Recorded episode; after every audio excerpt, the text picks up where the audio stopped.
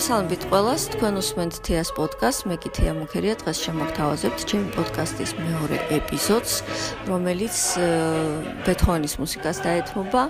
დღეს მინდა მოვისმინოთ მისი კანტატა „შვიდი ზღვა და ბედნიერი მგზავრობა“, რომელიც გოეთეს ორი ამავე სახელწოდების ლექსი არის დაწერილი და იგი ბეთჰოვენმა 1814-15 წლებში შექმნა. ნაწარმოების პრემიერა კი 1815 წლის 25 დეკემბერს ვენაში შედგა. იგი გამოიცა 1822 წელს, ანუ პარტიტურა მისი 1822 წელს დაიბეჭდა და გოეთეს მიეძღვნა. ცოტა რამ არის ცნობილი ამ ნაწარმოების შესახებ, საკმაოდ იშვიათად სრულდება. და ბეთჰოვენის დროიდან მოყოლებული ხუთაწილად ამ ნაწარმოებს აი ესეთი ბედი მისი უგულებელყოფა თავად გოეთედან დაიწყო შეგვიძლია ასე ვთქვათ რომ გოეთედან დაიწყო ყველამ კარგად ვიცით ბეთჰოვენი თუ რამდენი დიდ პატივს სცემდა გოეთეს, როგორ უყვარდა მისი შემოქმედება, მის პოემებზე მან არაერთი ნაწარმოები დაწერა. ერთ-ერთი ყველაზე პოპულარული არის მის შემოქმედებიდან, ეს არის ეგმონტი, რომელიც 1810 წელს დაწერა ბეთჰოვენმა. რაც შეეხება კანტატას, რომელსაც მოვისმენთ, აა მე ვფიქრობ, რომ ის ერთ ამბავს უკავშირდება გოეთესა და ბეთჰოვენის შეხვედრას. 1812 წელს შეხვდა ეს ორი გენიოსი ერთმანეთს კურორტ ტეპლიცეში. როგორც ჩანაწერებიდან არის ცნობილი, რა თქმა უნდა, გებულობთ რომ თავიდანვე დიდად ვერ დამეგობრდნენ, უფრო გოეთეს არ მოეწონა ბეთჰოვენი. ამას ვკითხულობთ თავად გოეთეს წერილებიდანაც, თავის ცოლს მიწერა, რომ ბეთჰოვენი აბსოლუტურად უკონტროლო პიროვნება არისო. აი ესეთი შთაბეჭდილება დარჩა გოეთეს ბეთჰოვენზე. ხოლო ბეთჰოვენის წერილებიდან კი აბსოლუტურად სხვა განწყობას ვკითხულობთ. იგი თავის გამომცემელს წერდა, რომ გოეთე აღფრთოვანებული იყო სამეფო ოჯახის იქ ყოფნით. აქ ცოტა, რა თქმა უნდა, სარკაზმი არის. აა იმიტომ რომ კიცემდა მის შემოქმედებას პატივს, მაგრამ როგორც ჩანს, არც ბეთჰოვენს მოეწონა ერთი შტრიხი გოეთესი, რაც როგორც ის მოიქცა იქ და რა მოხდა. ეს შეხედულება ორივე გენიოსის და ერთმანეთის მიმართ ერთ ამბავს უკავშირდება. ეს იყო 1812 წლის 23 ივლისი და ტეპლიცეს პარკში სეირნობდნენ ბეთჰოვენი და გოეთე. უცბად გოეთემ პარკის მეორე მხარეს დაინახა იმპერატრიცა მარია ლუდოვიკა ჰაბსბურგელი თავის ამალასთან ერთად როგორ მისეირნობდა.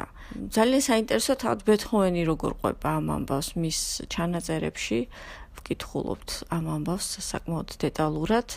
ვიყვება ასე რომ გოეთემ ხელი გამიშვა და განზე დადგა. მე კი ქუდი ჩამოვიმხე, პალტო შევიკარი, ხელები გადაჯვარედინებულად უკან ზურგზე დავიწყე და საიმპერატორო ამალას შუაში გავიარე.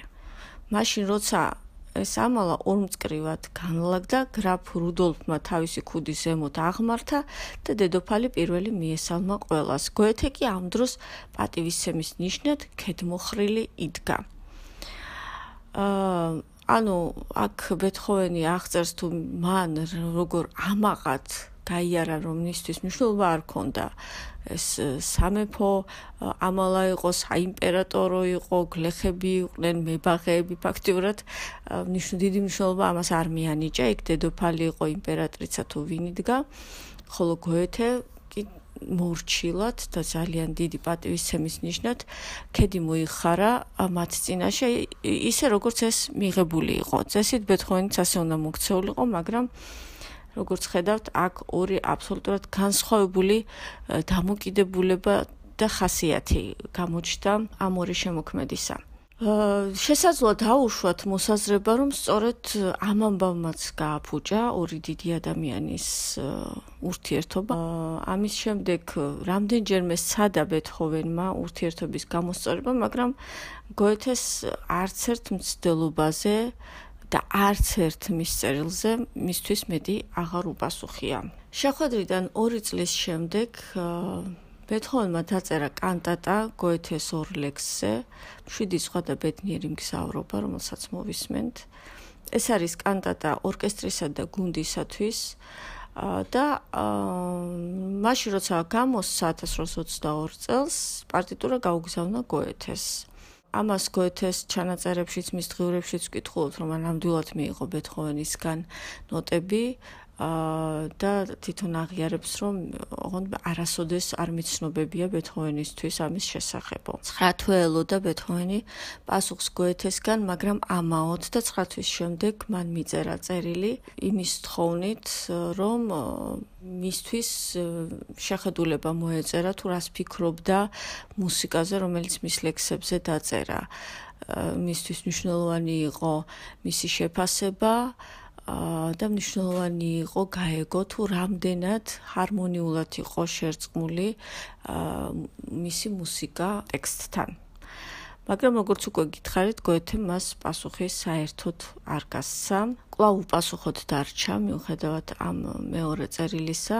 შესაძლებელი არის, რომ ეს იყო დიდი შემოქმედებისთვის დამახასიათებელი უხეშობა, უხასიათობა, ან თუნდაც რაღაც ინდიფერენტულობა სხვისი შემოქმედების მიმართ, ან დასულაც თვლიდა, რომ მისი ლექსები საერთოდაც არ საჭიროებდა მუსიკის თანხლებას. გოეთეს ეს ახასიათებდა და ეს ერთეული შემთხვევა არ იყო, როდესაც ის ასე გულგრილად იქცეოდა. შეგვიძლია გავიხსენოთ მუსიკის ისტორიიდან კიდე რამდენიმე შემთხვევა.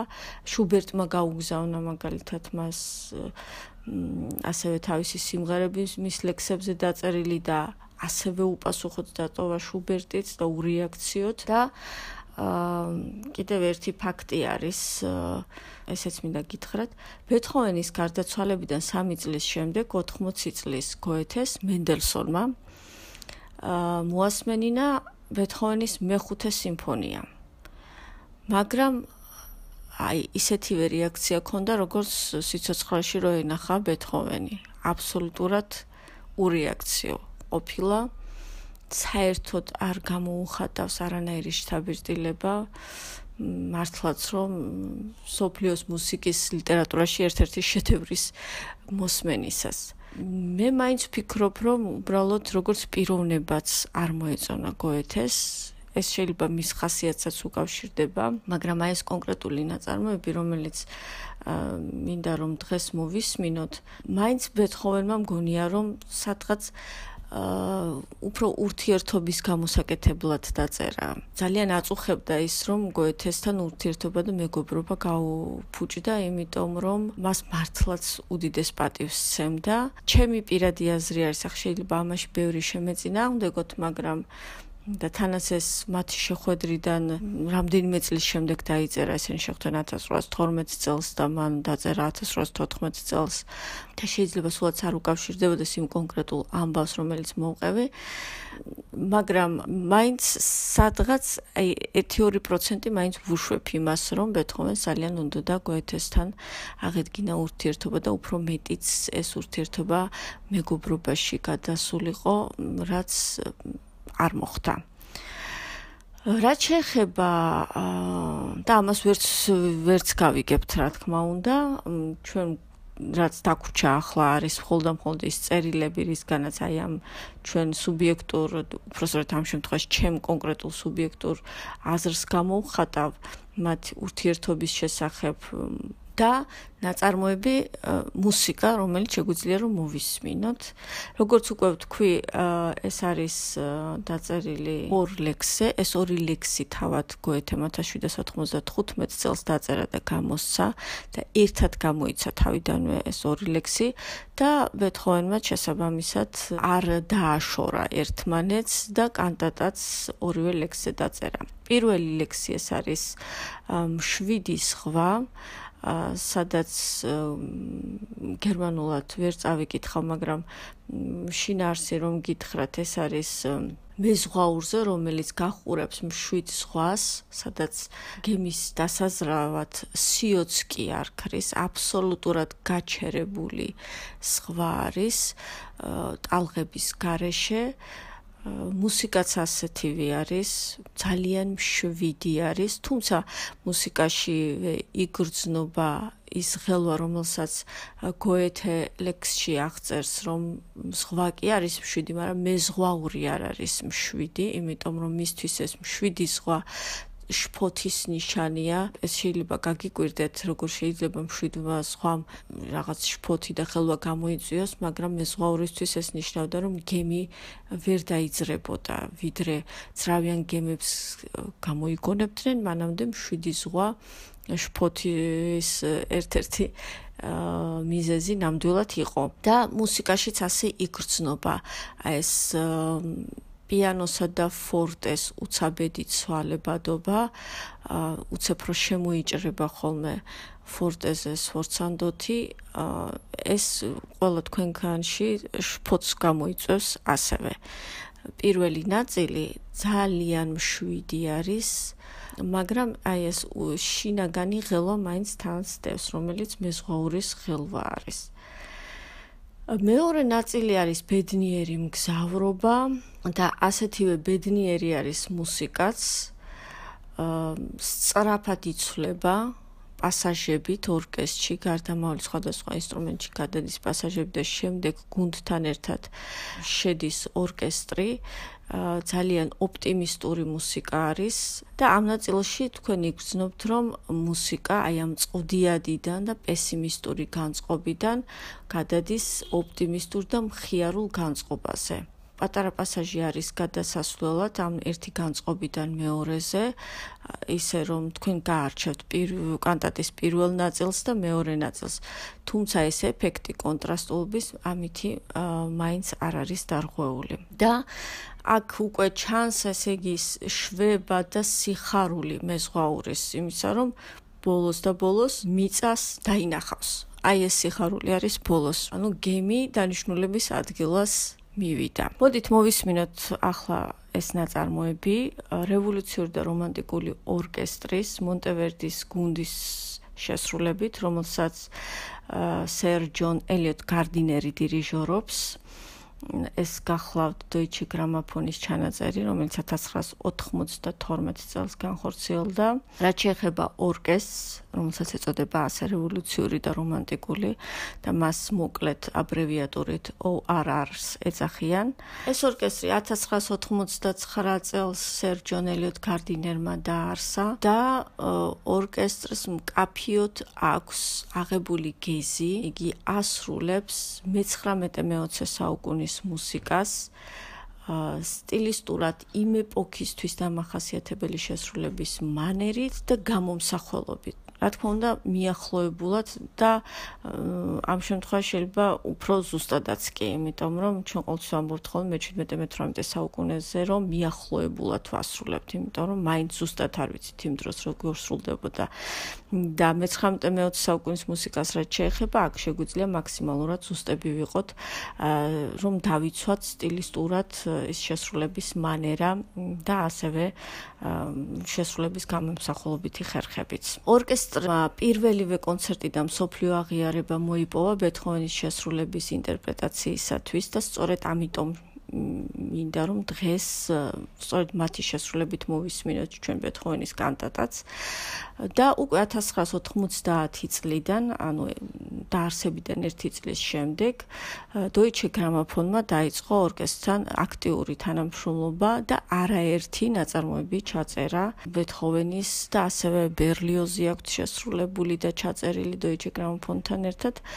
აა მოკლედ ეს ორკესტრი ზედმიწევნით იცავს ავთენტურობას და დღეს ჩვენ მოვისმენთ მათ ისტორიულ ინსტრუმენტებზე შესრულებას, რაც ასევე მნიშვნელოვანი არის პირადად ჩემთვის და დარწმუნებული ვარ ბევრი თქვენგანისთვის. და ასევე ძალიან საინტერესო იქნება თქვენთვის იმ ნაწარმოების მოსმენა, სადაც ეპოქის აი სტილისტური მანერა და ავთენტურობა აბსოლუტურად დაცული არის. მას ასე მოდით მოვისმინოთ ლუდვიგ ვან ბეთჰოვენის კანტატა "შვიდი ზღვა და ბედნიერი მგზავრობა" რომელსაც შეგვისრულებს ორკესტრი ORR მონტევერდის სახელობის გუნდი, დირიჟორი გახლავთ სერ ჯონ ელიოტ კარდინერი.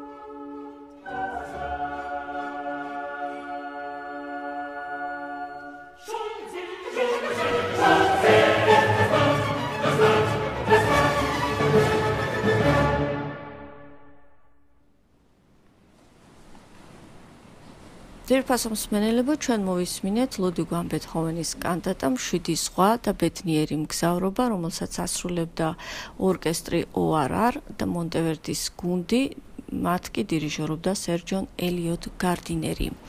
დღევანდელი ჩემი პოდკასტი ასე დასრულდა. მესამე ეპიზოდში კი ჩვენ მოვისმენთ ფელიქს მენდელსონის მუსიკას. მანამდე კი დაგემშვიდობებით ყველას ძალიან დიდი მადლობა ყურადღებისათვის. იმედია ისიამოვნეთ და იმედი მაქვს რომ საინტერესო იყო ჩემი საუბარი. გელით მესამე ეპიზოდის მოსასმენად. კარგად ბრძანდებოდეთ.